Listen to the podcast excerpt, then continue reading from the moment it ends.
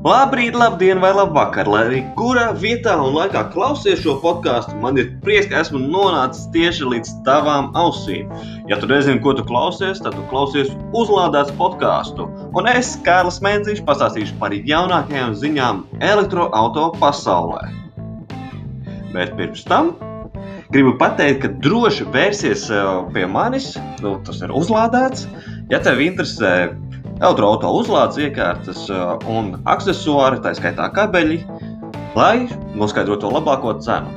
Ja, ja es tomēr tāds nedaudz kautrīgs, tā, nu, negribu runāt uh, pa klausuli ar mani kā fizisku personu, droši dodies uz veikals.uzlādās.lv, atradīsi labākās uzlādes stācijas un to accessorus par labākajām cenām.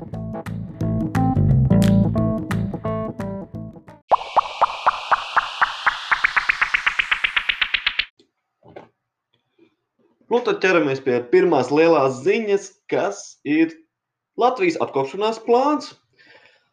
Tā, tas ir īstenībā ļoti svarīgs dokuments, un man pārsteidz, ka tik maz par to īstenībā runā sabiedrībā. Nu, labi, es saprotu, ka Covid ir paņēmis visas galvenās uzmanības, un vakcinēšanās ir svarīga, bet ir viena blakne, kas ir pats Covid atkopšanās plāns no Eiropas Savienības.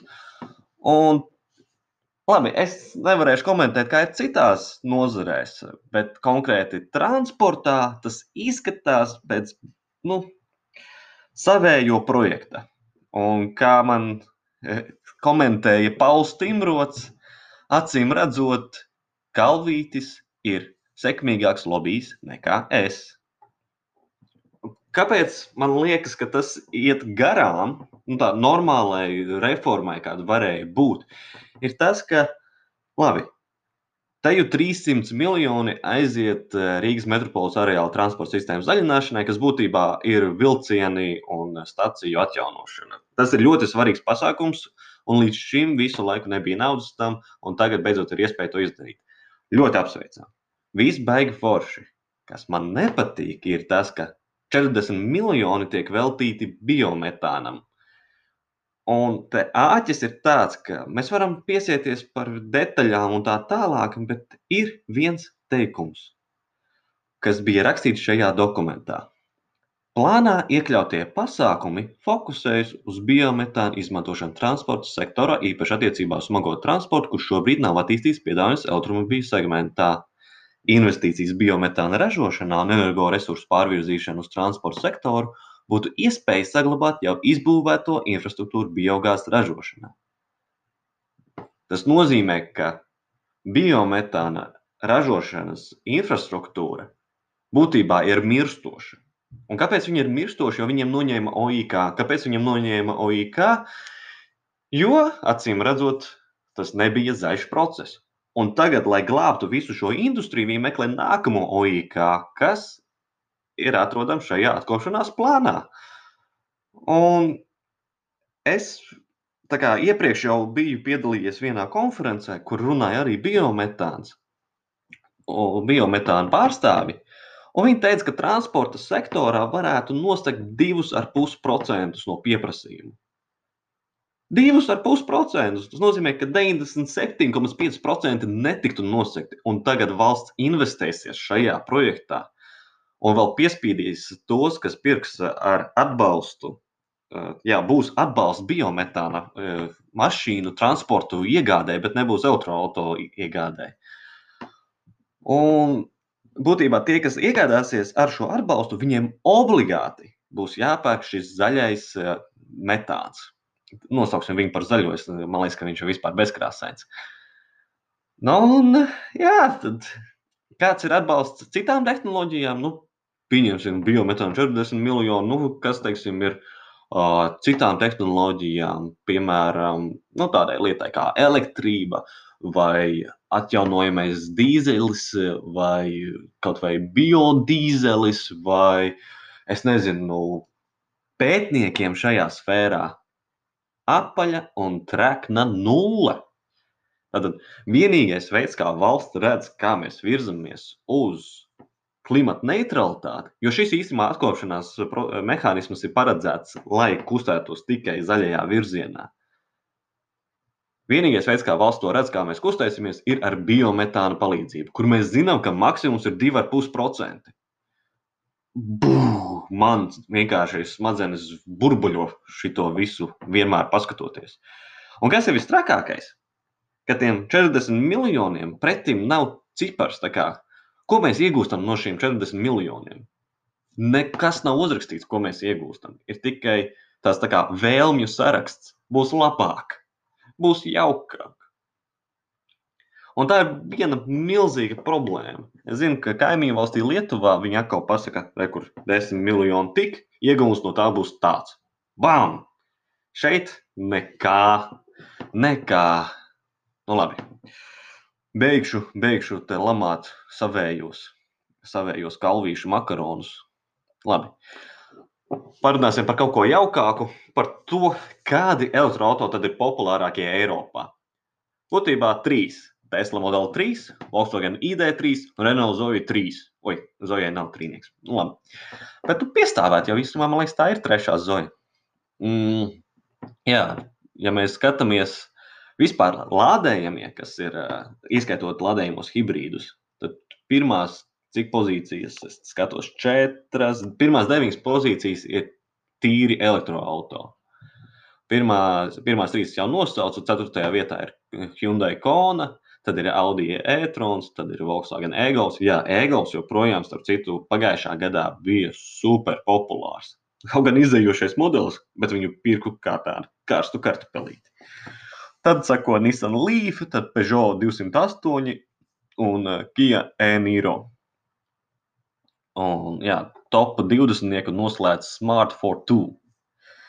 No plug-in hibrīdiem populārākais izrādās ir Mercedes A250e, kam, kam sako Volvo X, XC40, un tam sako Mitsubishi Outlander.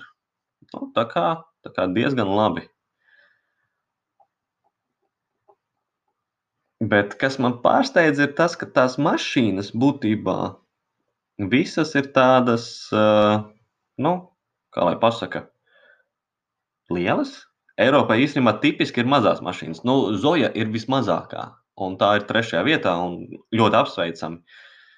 Bet, nu, teiksim, tādi, kas ir kā Fiat 500, kas ir Itālijā populāri, Francijā noteikti arī populāri, nu, vai Renault Twingo. Tādi nav piedāvājumā. Nu, labi, 500 tagad ir piedāvājumā, Twingo tagad būs laikam piedāvājumā. Uh, bet uh, nav, nav, nav nekā cita. Bet kas ir labi, ar pagājušo gadu Eiropa bija kā, līderis elektroautorāta virzībā. Līdz šim Ķīna bija izteikts līderis. Tagad no šī gada Eiropa ir numur viens elektroautorāta tirgus pasaulē. Un otrajā vietā, protams, ir Ķīna. Bet trešajā vietā par kārtu atpaliekot ir ASV, un tad vēl par kārtu ir Japāna, un tad vispārējā pasaule ir kaut kur starp Japānu un ASV. Bet, ja mēs paskatāmies, kā, kurš ir pasaulē populārākais, labi, mēs zinām, ka, mēs zinām, ka Eiropā populārākais bija uh, ID3. Vai piedodiet, uh, Renault Zoe. Trešajā vietā bija ID3. Bet pasaulē vispopulārākais ir Tesla Model 3. Nu, nepārsteidzoši, nepārsteidzoši. Bet otrajā vietā, varbūt tas gan būtu pārsteidzoši, ir eh, ķīnietis Wuling Hongwang Mini EV, kas nu, no Teslas pa visu pagājušo gadu atpalika trīs reizes. Nu, tad varam saprast, ka Tesla Model 3 konkurentu citā, nu, visā pasaulē nemaz nav, ja otrā vieta atpaliek par trim reizēm. Un iepriekš minētā Renault Zoe atpaliek nu, drusciņi vairāk kā trīs reizes, bet nu, turpat pāris vienībām no Wulinga. Un ceturtajā vietā pasaulē, tas ir, mēs runājam par pasauli, ir Tesla Model Y. Un tas vienkārši tāds Tesla Model 3 ieņem pirmo vietu, Tesla Model Y ieņem ceturto vietu. Es brīnos, ka Tesla Model S neielauzās iekšā, bet, nu, saprotami, tas uh, Tesla Model 3 kā, paņem visu Model S tirgu un Model Y paņem visu Model X tirgu. Bet tiem jāpaliek ir kā tiem dārgajiem, foršajiem, ko visi grib, bet nevar atļauties. Jā, un uh, Hyundai Kona kā piektā vieta, Volkswagen ID3 kā sastāvvieta. Un top 10 noslēdz vēl viens ķīnietis ar nosaukumu Ora R1, ko es arī gribētu redzēt šeit, Eiropā. Bet ko mēs noteikti redzēsim Eiropā, ir šo Wuling Hongguang Mini EV, ko īstenībā Eiropā ievedīs latviešu uzņēmums. Latviešu uzņēmums Darts. Darts varbūt jūs zināt, kā tādu augstas vērtību bruņu mašīnu ražotāju. Viņiem pat bija salīdzinoši nesen skandāls ar to, ka viņi vaļu locekļu ādiņas salonu vēlējās taisīt. Nu, viņi neuztaisīja, bet viņi izteica, ka varētu tādu taisīt. Uh, tad visi tur vidas aizsargi tur sāka kliegt. Viņi teica, pagaidi, saprotami, nebūs, nebūs. Saprotam problēmu, Bet kas ir baigi labais šim darts Wulinga pārveidošanai? Tas īstenībā saucējies darts frēze Nikrob EV. Tā galvenā, galvenais pārdošanas punkts ir tā cena. Kā jau teicu, tas būs lētākais elektroautorāts Eiropā, un viņš maksās 9999 eiro. Labi, Ķīnā viņš maksā aptuveni 5000 eiro, nu, 4 līdz 5000 eiro bet uh, viņš tiks pielāgots Eiropai. Uh, Pirmkārt, tiks ielikti uh, gaisa spilveni. Tas ir ļoti svarīgi. Ķīnā, acīm redzot, tu vari braukt bez gaisa spilveniem. No Eiropā būs gaisa spilveni, un vēl būs nomainīts halogēna lampas pret, uh, pret, pret, pret uh, LED lampām. Un tas jau iedeva lielāku kā, nobraucamu attālumu, ja teiksim, Wuling spēja nobraukt 170 km ar vienu uzlādi, tad uh, dārts frēze Nikrobs spēja nobraukt 200 km. Šis gan ir pēc vecā cikla, nedz cikla. Um, realitātē visdrīzāk jau ka var kaut kādus nu, 100, 130 km nobraukt. Uh, bet jāsaka, ka tiem cilvēkiem, kas ikdienā nebrauc pa šoseju, kuriem vajag tikai automašīnu, lai aizbrauktu uz veikalu, aizbrauktu uz skolu vai kaut ko tādu, baigi forši. Teiktu, ka baigi forši. Tagad jāņem vērā, ka viņa maksimālais ātrums ir 105 km/h. Uh, un viņš ir kompakts. Es iesaku tiešām paskatīties, uh, vai nu uzlādēts, vai kādā citā lapā, uzmeklējiet DARTZ, Freze Nikropu Un uh, jūs sapratīsiet, par ko es runāju. Tā tiešām ir tāda kompakta mašīna, kas uh, tādas divas var noparkoties tur, kur cita var viena. Un ko es vēl gribēju pateikt, ka nosaukums šim dārza frēze Nikrob ir radies būtībā saliekot kopā vairākas lietas. Acīm redzot, dārza nu, kā uzņēmums. Frēze ir kā krievu autoražotājs, kurš jau pirms 120 gadiem prezentēja pirmo elektroautorātu Krievijā. Un Mikrob ir uh, tās uzņēmums, kurš Lietuvā, starp citu, nevis Latvijā. Mikrob ir Lietuvas uzņēmums, kurš pārveidos uh, būlingu par frēzi.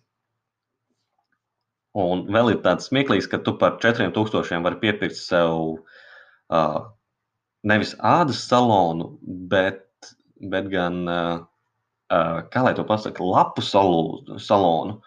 Būtībā tiks pāršūts no. Tev tagad ir auduma salons tajā 10,000 pakā, bet, ja tu piemaksā vēl 4,000, tad dabū salonu, kurš veidots ir no lapām, nu, tur Amazonas mežā savāktām, kuras īstenībā var tiešām arī izmantot kā audumu. Un tas, protams, gan paceļ to cenu, bet tas tik un tā ir lētāk par Volkswagen e-app kas ir otrs tuvu lētākais šobrīd pieejamais, vismaz Latvijā.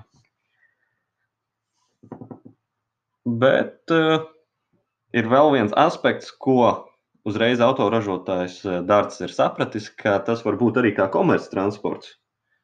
Un viņi drīz pēc tam, kad būs, uh, viņi būs palaiduši jau šo versiju, tad viņi sekos ar komerctransporta versiju, kas būtībā nozīmē, ka aizmugurējie sēdekļi tiks izņemti ārā. Un domāju, ka tādiem kurjeriem, kas piegādā tur pizzas vai puķes vai mazās šīs paciņas, tiem varētu būt ļoti interesanti ar šādu braukt. Un vēl viena versija, kas viņiem būs, būs uh, frāze Nikrop, the Dictator Aladdin Signature Edition. Ja šī diktatora vārds jums pilnīgi neko neizteica, varbūt jūs esat dzirdējuši par filmu Diktators. Un, ja vēl smaids nav jūsu sejā, tad šīs versijas apraksts noteikti liks to darīt. Daži cilvēki zina, ka diktators Aladīns sapņoja par elektroautorātu, kas būtu elišķīgi lēts. Laulība šos sapņus izmeta mēslēnē bet vadījies transporta sekretārs turpināja strādāt pie šī nu jau desmit gadus vecā plāna. The Dictator Aladdin Signature Edition būs aprīkota ar zelta krāsojumu, papildināta ar zelta žetoniem un diktatora drošības komandas parakstiem. Cik tā maksās? Mums jāpajautā ģenerāladmirālim. nu, te var redzēt, ka tiešām ražotājs ir ar humoru izjūtu, un uh, es novēlu viņiem veiksmi uh, Un es ceru, ka tad, kad būs beidzot pieejams, ka es arī varēšu to apskatīt, man pirksti niez uzzināt, eh, kāds ir šis otrs pasaulē populārākais elektroautorāts. Kāds, kāds tas ir? Un starp citu, janvārī, šī gada janvārī, uh, Wuling bija divreiz vairāk pārdos Ķīnā kā Tesla Model 3. Nu, un tad tagad gaidām, kad tas beidzot atnāks uz Latviju. Un, lai tas varētu atnākt uz Latviju, protams, tam vajag arī infrastruktūru. Jā, mēs zinām, ka mums jau ir e-mobīļs tīkls, kurā ir pārpas simts ātrajām uzlādes stacijām, ir arī Latvijas energo tīkls, un kaut kādā brīdī jau būs arī citi tīkli. Bet Eiropas automobīļu ražotāju asociācija un vēl daudz citas organizācijas ir izveidojuši kā, plānu, kādam ir jābūt, un viņi šo plānu ir nosūtījuši Eiropas komisijai, lai veicinātu izmaiņas alternatīvās degvielas infrastruktūras ieviešanas direktīvā. Un tas, šis plāns paredz, ka 2024. gadā, kas ir pēc trim gadiem, Eiropā būtu viens miljons šo publisko uzlādes punktu. Un līdz 29. gadam, kas ir pēc astoņiem gadiem, būtu 3 miljoni šo uzlādes punktu. Un, ja mēs tā paskatāmies, jo mums jau interesē tikai Latvija, mums neinteresē, cik ir uh, kaut kur citur tad Latvijā pēc trim gadiem vajadzētu būt 621 uzlādes punktam. Te ir gan runa, ka tie var būt jebkādi uzlādes punkti. Tie nav obligāti ātrās uzlādes punkti. Kā teiksim, ja pie lielveikala noliek, tad tas ir viens, nu, tur tu nezinu, vairāk stundu pavadi vai vienu stundu pavadi. Uh, man gan nebija saprotams, vai punkts nozīmē, ka tur var būt vairāki šie, šīs uzlādes stacijas, vai ka katra uzlādes stacija skaitās kā atsevišķa. Uh, Nu, lai kā, Latvijā ir jābūt 621 uzlādes punktam 24. gadā, un 29. gadā jābūt 4493. Tikmēr Igaunijai un Lietuvai uh, ir krietni lielāki cipari, jo viņiem, tas, viņiem ir atbalsts, viņiem ir normāls valsts atbalsts. Tā, ja Latvijā ir 621 uzlādes punkts uz 24. gadu, bet Igaunijai drusku mazāk, 580. Bet viņiem 29. gadā ir par 800 uzlādes punktiem vairāk. Mazākajai valstī, kā Latvijai, ar mazāku iedzīvotāju skaitu, būs vairāk uzlādes stāciju. Un tikmēr Lietuvai ir atkal kā lielākajai valstī, kurai arī, starp citu, ir atbalsts elektroautorāta iegādēji, tad pēc trim gadiem jābūt 965, atgādināšu Latvijai 621, un 29. gadā 8699, kas ir nu, par divām reizēm vairāk kā Latvijā. Nu, tāpēc kā, mans galvenais iemesls, kāpēc es gribētu jebkādu subsīdiju, ir tīri tādai, ka ne jau tas, ka kāds tur iegūs lētāku elektroautorātu, bet tas, ka tas pavērs plašākas iespējas. Kā teiksim, mums Latvijā nav nopērkams Mercedes EQC, Igaunijā ir. Mums Latvijā pēdējiem bija Renault Zoe. Lietuvā jau bija, Igaunijā jau bija, bet Latvijā vēl nebija. Mums nav piedāvājumā arī Skodas Citīgo un Seat Mie elektrika. Nu, labi, šie abi arī nebūs vairs, jo ražošana nenotiks. Bet uh, Mums viņa nebija, jo nebija subsīdija. Igaunijai bija. Nu, tas ir tas, ko mēs palaidām garām. Tā izskaitā arī tie, kas attīsta uzlādes infrastruktūru. Viņi skatās, kur ir subsīdijas. Aha, tur ir. Tad mēs tur koncentrēsimies vispirms. Un būtībā Latvija, man liekas, ir viena no trim Eiropā valstīm, kas nekādā veidā nesubsidē. Labi, mums tur ir nodokļu atvieglojumi, tas, mums nav ceļu nodoklis jāmaksā. Bet realtātē nu, tas ir kaut kāds 100 eiro gadā. Tikpat labi mēs varētu maksāt tos ceļu nodokļus tajā brīdī, kad to piesietu teiksim, pie kilometriem nobrauktajiem, kas būtu loģiski arī visiem pārējiem. Paņem masu, paņem kilometrus, cik tu esi nobraucis pa gadu, un attiecīgi sarēķina, kāds ir ceļu nodalums. Hops, tas būtu godīgi. Jā, nu tad labi, pāriesim pie nedaudz labākām lietām. Hyundai prezentēja savu Ioniq 5, un pēc tā apraksta tas tiešām ir Tesla cienīgs konkurence. Vienīgi tā cena. Es uzreiz pateikšu cenu. Tā solās būt aptuveni 60,000 eiro. Lētākā versija varētu būt 40,000 eiro. Bet vai tu ņemsi lētāko versiju? Nu, visdrīzāk jau, ka nē. Nu, tā ir mazāka baterija, attiecīgi 58 kWh pret 72 kWh varbūt arī paņemt to lētāko, jo īstenībā 58 kWh tas ir pietiekoši. Tas tiešām ir pietiekoši. Uh, tur ir daudzas, daudzas jaukas features, kā teiksim. Pirmā ir tas, ka šis elektroautorāts spēj dalīties ar enerģiju, kas tam ir. Tā ziņā milzīga baterija, pieslēdz kaut vai leduskapi klāt. Viņiem gan iekšā ir salonā rozete, gan arī tu vari nopirkt speciālu adapteri, ko iesprāst tādā ligzdā, kurā tu spraud lādētāju, un tad viņš spēj dot atpakaļ. Viņš dos atpakaļ maistrāvā līdz 3,6 eh, kW. Tas ir 230 volt un 16 ampēri. Un, jā, visādi citādi tas ir stilīgs crossovers. Domāju, ka šim tiešām būs liels pieprasījums, kāds tas jau ir. Uh, līdz ko atvēra durvis uz iepriekš pasūtīšanu. Tā uzreiz bija 25,000 pasūtījumu, man liekas, pirmajā dienā vai pirmajās trīs dienās. Tā kā Hyundai droši sev jau ir garantējuši pusgadus priekšu Ionika ražošanu. Jā, kas ir arī interesanti, Ionika tagad ir kā brands. Nevis kā modelis, bet kā Hyundai apakšbrands. Un, ja mēs skatāmies, tad uh, šis Ioniq 5. Viņš spēs ar lielo bateriju, kas ir 72 kWh, nobraukt 470 km. Nu, tas ir nu, normāli. Un tev pusotra nedēļa, varbūt pat divas nedēļas atšķirībā, kā tu brauc. Nu, protams, var arī nobraukt visu vienā dienā. Bet uh, tipiskais cilvēks nobrauc aptuveni 30 km dienā, 470 dalīts uz 30. Attiecīgi ir uh, 100 oi, atvainojos, tas nav 100, tas ir 16 dienas, nu, plus mīnus. Un tās ir divas nedēļas, ko tu vari braukāties. Un vēl Ionika būs aprīkots, ja to izvēlēsies, būs aprīkots ar saules paneļu jumtu, kas vēl palielinās šo nobraucamo attālumu. Labi, viņš tur iedos tev drusciņu, drusciņu. Bet, jā, man liekas, ka šī ir viena no tām mašīnām, kas tā kā liks pagriezt galvu. Gan dēļ izskata, gan dēļ tehnoloģijas apakšā. Nu, tad no jauniem auto aiziesim uz salīdzināšanu ar iekšdedzes auto. Uh, šis gan nav tāds mans pētījums, šis ir Bloomberg pētījums. Un jautājums ir, kurā brīdī elektroautorāti kļūst tīrāki par iekšzemes auto. Es jau iepriekš pats biju veicis savus aprēķinus. Es aprēķināju, ka mans Citroen C0 ar 16 kWh bateriju uh, atsit savu pēdu pēc nedaudz vairāk kā 17,000 nobrauktiem kilometriem.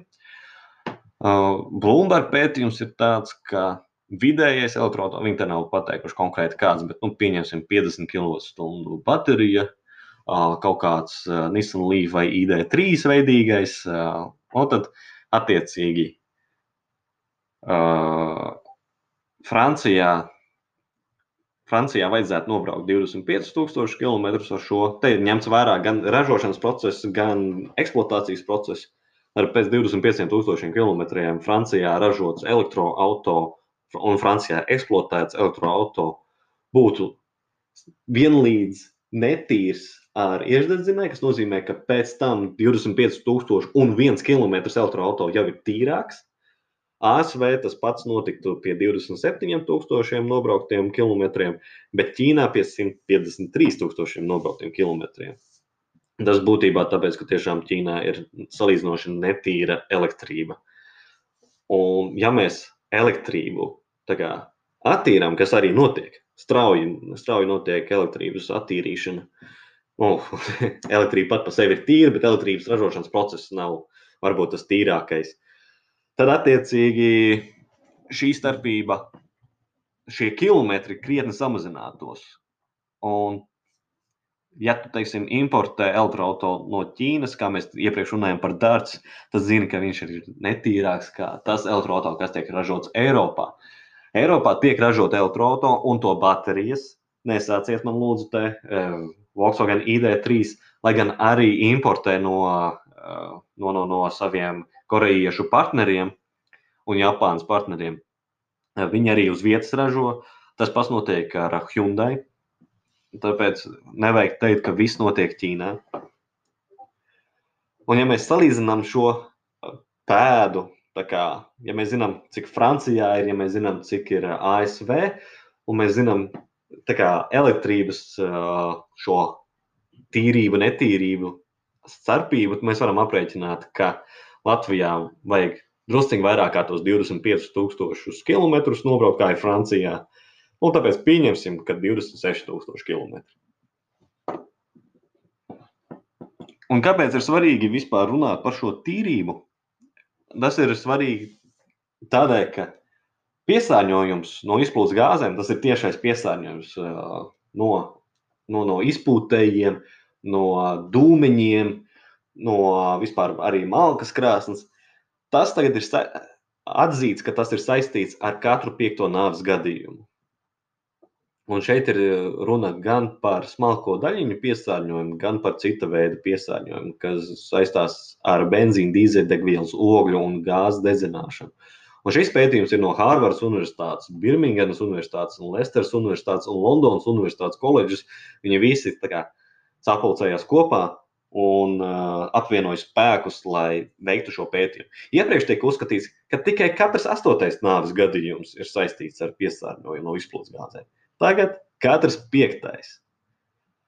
Un 2018. gadā priekšlaicīgi nomira 8,7 miljonu cilvēku dēļ tā. Un tas ir daudz, Tas ir daudz. Un tā galvenā atšķirība tur bija, ka viņi izmantoja tur uh, cita veida tehnoloģiju, kā aprēķināt, kas varētu būt daudz precīzāka nekā iepriekšējais pētījums.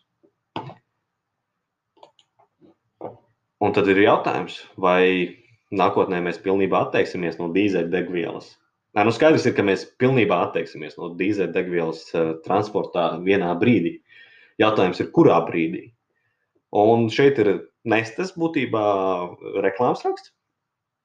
Un te viņi saka, ka jā, bet līdz tam brīdim, kamēr mēs pārējām uz elektroautorātu, viņi pat neapsver gāzi, starp citu. Tāds, ja Latvija baigs spiež uz biometānu un tā, tad Nesta saka, uh, nē, gāzē nav vietas. Uh, mēs šobrīd varam turpināt lietot dīzeļdegvielu, bet labāk turpinām to lietot pēc iespējas labāku. Un viņu ir, ierosinājums ir lietot atjaunojamo dīzeļdegvielu, kas nav tas pats, kas biodīzels. Un tā tiek ražota izmantojot galvenokārt atkritumus un atliekas. Un tādā ziņā mēs zinām, ka McDonald's izmanto ļoti daudz eh, eļļas saviem kartupeļiem, lai uztaisītu. Viņi paņem šo eļļu, apstrādā kopā ar vēl ar citiem atkritumiem, un gala rezultāts ir identiska dīzeļdegviela. Nu, pēc molekulārās struktūras tā ir identiska nu, pēc nestas vārdiem samazinās uh, izmeši par 90%, uh, bet nu, jāsaprot, ka emisijas no paša tā izpūtē ir tieši tādas pašas kā no uh, parastā dīzeļa degvielas. Tā atšķirība, kā viņi atrod šos 90% samazinājumu, ir tas, ka iepriekšējie atkritumi jau ir savākuši, absorbējuši emisijas. Līdz ar to uh, kopainā ir pat 90% mazāk. Es gan teiktu, ka tas ir fufels, jo nu, ļoti iespējams, ka šīs eļļas nemaz pēc tam nu, nesadedzinātu. Nu, tad, tad kā mēs to darām? Nu, būtībā, tas tik un tā ir labāk, jo kaut kas ir jādara ar šiem atkritumiem.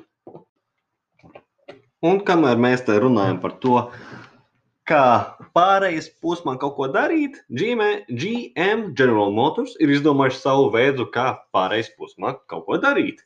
Viņi ir izdomājuši, ka viņiem ir jāuzbruk Norvēģijai, ka viņiem tik labi sanāk elektrificēties. Atgādināšu, ka Norvēģijā 87% no decembra reģistrācijām bija ar baterijām, ar lādējamu bateriju.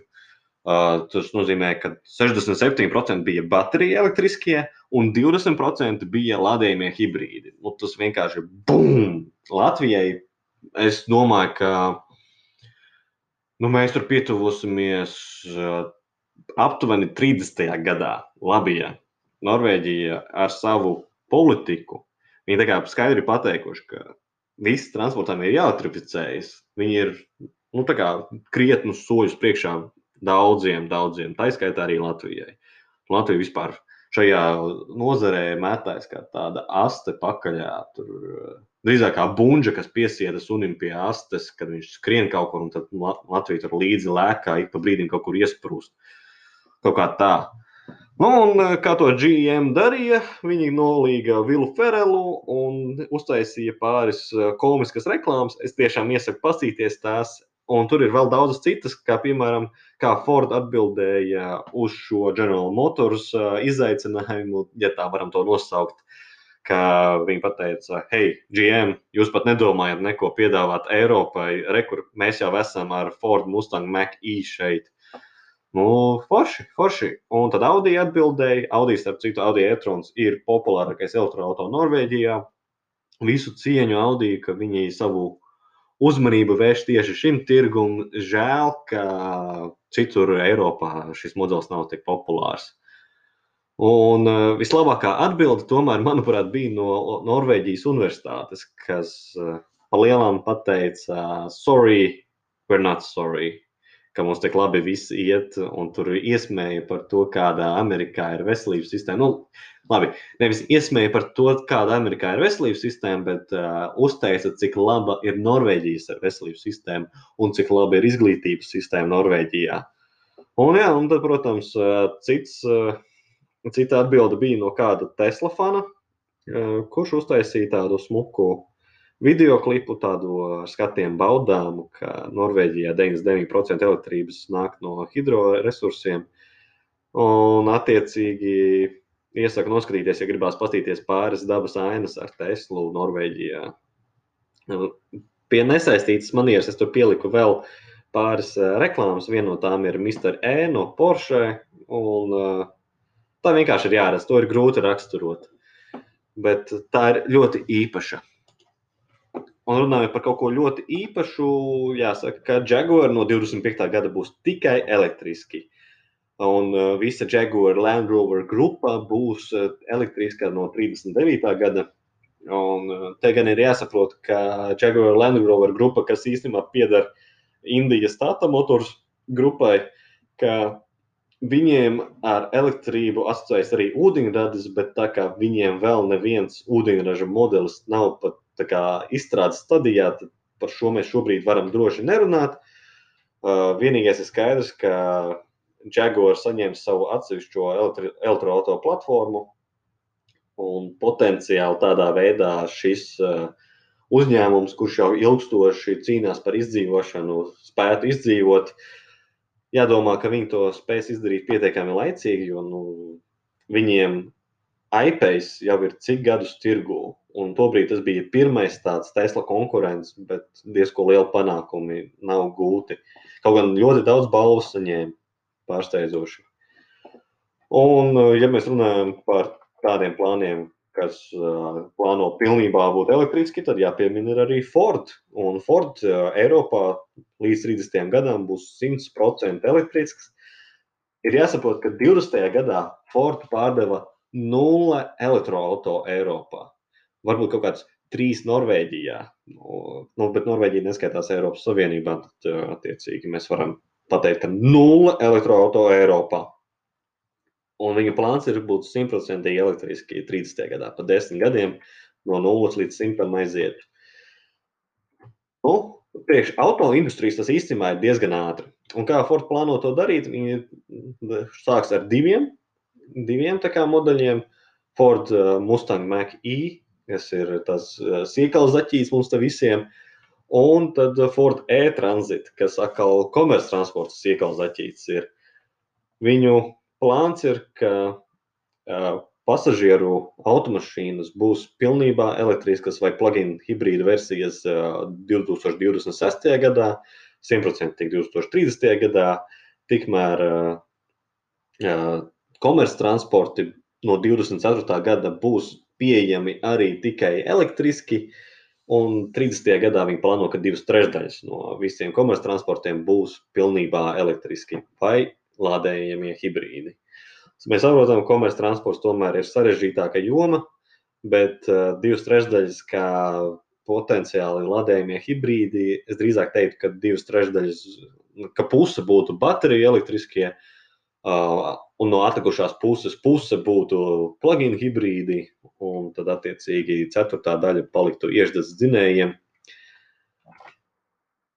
Un, turpinot par šādu tematiku runāt, uh, Volvo paziņoja līdzīgi, ka 30. gadā būs simtprocentīgi elektriski, bet viņiem vēl ir tas, ka Volvo traks ir pilnīgi cita nodaļa, kas arī atbild par komerctransportu. Uh, šis ir Volvo Cars, un attiecīgi viņu mēķis, man liekas, realistiskāks un pat apsveicamāks kā Forda, jo viņi plāno 50. gadā, ka 50%, tas ir 25. gadā, kas ir pēc četriem gadiem, ka 50% no visiem, visām pārdotajām mašīnām, vieglajām automašīnām būs pilnībā elektriskas, un pārējās 50% būs lādējumie hibrīdi. Tas, manuprāt, ir viens no tādiem ambiciozākajiem mērķiem no autoražotājiem, kas ražo šobrīd iešdzes dzinējus. Jā, viņiem ir tur lādējumie hibrīdi, tur Volvo XC40, eh, plug-in hybrid. Tas laikam maksā 45,000. Nu, jā, nu, saprotami, ka nav, nav lēti pāriet no vienas tehnoloģijas uz otru. Uh, kas ir svarīgi, Volvo šo paziņoja pāris stundas pirms Volvo C40 prezentācijas. Volvo C40 prezentāciju es iesaku noskatīties, ieiet uzlādēts LV, meklējiet uh, Volvo uzskat, ka iešdedzē nav nākotnes, vai Volvo C40, arī C40 ir atsevišķs raksts, un tur būs prezentācija. Un tur aptuveni 3,5 minūtē sākas uh, augstākās drošības tests. Tas, protams, sākas kā Volvo to dara. Viņi ir viena no drošākajām mašīnām pasaulē. Nu, Tesla beidzot viņus ir apzinusi pēc drošības standartiem. Volvo līdz šim bija pirmie. Un viņi tur parāda, kā šīs mašīnas tiek pārbaudītas pret betonu sienām, kā tās tiek nomestas un tā tālāk. Un tad viņi aizbrauc uz īpašu vietu, kurā no 100 pēdu augstuma, kas ir aptuveni 30 metri, grasās nomest mašīnu, un tad notiek kaut kas Un šis kaut kas, kas notika, man vienkārši uzzināja šarmuļus. Un no tā brīža es super uzmanīgi skatījos šo prezentāciju. Līdz tam es tā ar vienu acu skatījos, bet tajā brīdī viņi dabūja pilnu manu uzmanību. Iesaku noskatīties, tiešām iesaku noskatīties. Un runājot par šarmuļiem un skudriņām, kas skrien pāri, Renault atdzīvinās R4. Es iepriekšējā podkāstā runāju par R5, kā es par to iekalojos. Tad R4 būs R5 tikai kā crossovers. Es ticu, ka tam būs lielāks pieprasījums kā R5. Mans favorīts joprojām ir R5, jo tas nav crossovers. Man crossover liekas ļoti muļķīgi. Uh, tas ir mans personīgais viedoklis. Es zinu, ka tas ir populārākais segments šorīt Eiropā. Nu, es, es neargumentēšu to, tas vienkārši mans personīgais viedoklis. Bet ko es saskatu, ka Renault sapratuši tanī, ka atdzīvināt tādus ikoniskus modeļus ir ļoti, ļoti veiksmīgs stāsts. Es domāju, viņi droši var paņemt uh, Renault Zoe apakšu vienkārši uzlikt virsū citādāko rāmi, kurš atgādina R4 vai R5. Uh, R4 gadījumā vajadzētu nedaudz pacelt, lai būtu lielāks klierens, bet citādāk viņi jau šobrīd varētu ražot R4 vai R5. Jo zoja iekšā īstenībā ir tīri normāli. Nu, tā ziņā, kā izklaides sistēma, tīri viss kārtībā. Nu, un tā. Tas ir arī viss, ko es pateikšu par uh, R4. Bet, ko es gribu noteikti pateikt, ir tas, kā vajag izvēlēties mājas uzlādes stacijas. Ir ļoti daudz, ir ļoti daudz uh, mītu, neskaidrību. Ne mītu gluži nav, ir vienkārši neskaidrība liela par to, kāpēc uh, rekur viena uzlādes stacija maksā 500 eiro, un tad nākamā ir uzreiz 1000 eiro. Kāpēc ir šādas atšķirības? Un ir ļoti viegli atrast arī uzlādes stacijas, kas maksā 2000 eiro. Un uh, galvenais aspekts, kāpēc tā lētā ir tā lētākā, ka viņai nav šīs līdzstrāvas noplūdes aizsardzības. Tā ir diezgan svarīga prasība, lai būtu šai uzlādes stacijai. Jo, ja nav, tad tev e, ir jāpievieno B tipa noplūdes strāvas aizsardzības automāts slēdzes, un tas maksā aptuveni 300 eiro. Nu, tas ir ar PVN. Un, ja tu izvēlējies sev uzlādes staciju tur par 500 eiro, un tev vēl klāt nāk 300 eiro, tas nozīmē 800 eiro. Un par 800 eiro tu vari dabūt ļoti labu uzlādes staciju, kurai jau ir iebūvēts šis B-tipa noplūdes strāvas aizsardzības, tas ir līdzstrāvas noplūdes aizsardzība. Un viņai vēl nāks klāt visādas features, tur aplikācija, regulējumā jauda un tā tālāk. Lētāk ir izvēlēties uzlādes stacijas ar jau iebūvētu šo aizsardzību. Tad vēl otrs aspekts uh, ir jauda. Es teiktu, ka jāņem 22 kW regulējuma jauda. Uh, nu, tur var atrast, uh, ka tās maksā sākot no 650 eiro, nu kaut kur tās, nu ap 700 eiro grozās šādas stacijas. Kāpēc ar regulējumu jaudu un kāpēc 22 kW? Regulējumi pirmām kārtām ir, ka nu, tev pieslēgums varbūt nav pat uh, tik liels, lai tu varētu tā darīt. Citām uzlādes stacijām vēl var paņemt, ka viņi skatās, kāds mājai ir uh, šis uh, patēriņš un attiecīgi pieregulē uzlādes jaudu vai pat pilnībā atslēdz to. Un kāpēc 22 kW? Tie ir tādēļ, ka tā cenas atšķirība starp mazāk kilovatiem un lielākiem kilovatiem nav tik liela. Tu varbūt iekonomēsi uh, nu, 100 eiro, bet tie, tā starpība ir starp tiešām vismazāko jaudu un šo 22 kW regulējumu jaudu. Un vismazāko jaudu visdrīzāk negribi, jo tev mašīna spēj paņemt pretim vairāk. Un atkal nākotnē, ja tu paņemsi mašīnu, vai tev būs mašīna, kura spēj paņemt vairāk, bet tu joprojām esi sasaistīts ar to mazo jaudu, uh, nu, tev vienkārši dzīve būs nedaudz sarežģītāka. Labi, varam argumentēt, ka 11 kW stācija arī nu, viss dzīvē mainās. Labāk paņemt, man liekas, tikai vienam produktam. Es esmu redzējis, ka cenas atšķirības starp 11 un 22 kW patiesībā arī būtu. Pārsvarā gadījumā, ko es redzu, ir 11 kW stācija maksā tikpat, cik 22 kW stācija. Un, protams, aprīkojums un funkcionalitāte, nu, tur vai stācijai nāk kabelis vai līgzda, tad attiecīgi tur pa 50 vai 30 eiro mainās tā cena. Vai ir tur Bluetooth, Wi-Fi, simkārta ielikta un tur visādas citas funkcionalitātes, kā, teiksim, grafika iestatīšana vai, nu, es jau arī iepriekš minēju, ka pieregulēju slodzi, Nu, un dizains, protams, mēs zinām, ka mums patīk skaistas lietas. Manuprāt, Etrēlas stācijas ir viens no skaistākajām, kādas ir. Un, protams, protams, cena. Ja gribi pašu lētāko uzlādēts veikalā, tas ir veikals.uzlādēts.lv, pati lētākā uzlādes stacija, kā, kā, ko mēs zinām, kā Volvox, maksā 380 eiro. Nu, droši var ņemt arī tādu. Viņi vienkārši ir tupa kā zābaks, tādā ziņā, ka ne viņai par tiem 380 eiro tā jauda nav regulējama, un viņa ir mazāka, nu, tur par 420, man liekas, tu vari dabūt ar lielāku jaudu, bet joprojām tā nav regulējama, un viņai aizsardzības klase ir mazāka, kas nozīmē, ka tu viņu nedrīkst likt ārā, viņai obligāti jābūt zem jumta. Un beigās, nu, tad, ja tu pieņem mani kā profesionāli, kas es pieļauju, ka es esmu arī, Tad, kuras stācijas izvēlēties? Es teiktu, ka Keba P30 Anniversary, kurai ir šī 22 kW jauda, kurai šī jauda ir regulējama, kura izskatās tīri labi, un ir šī līdzstrāvas noplūdes aizsardzība. Tā maksā 669. Es ieteiktu arī Etrel Inch Light. Tā būtībā ir identiska kā keba, tikai dizains ir daudz labāks - 685 eiro.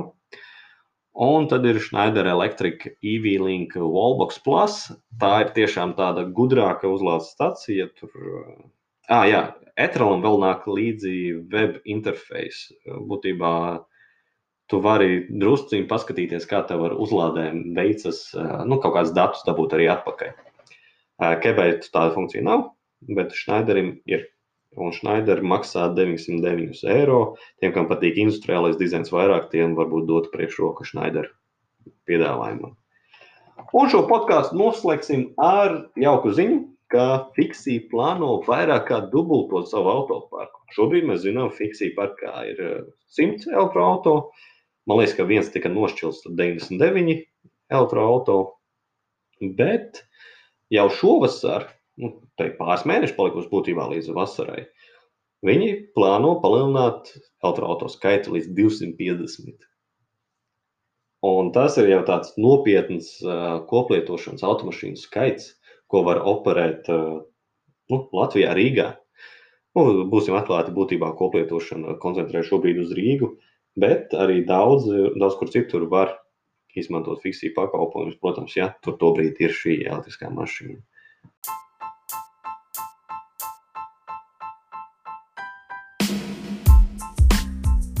Ar to arī šoreiz viss. Ja tu mani klausījies, ak, Dievs, cik garš podkāsts, tad es tiešām cepuri nostevu.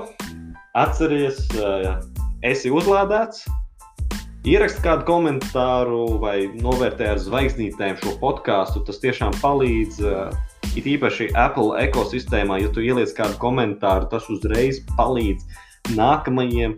Ja tu klausies Spotify, nu, piesako, ieliec zvaigznīti. Es zinu, ka var arī ielikt zvaigznītes dažādās podkāstu platformās.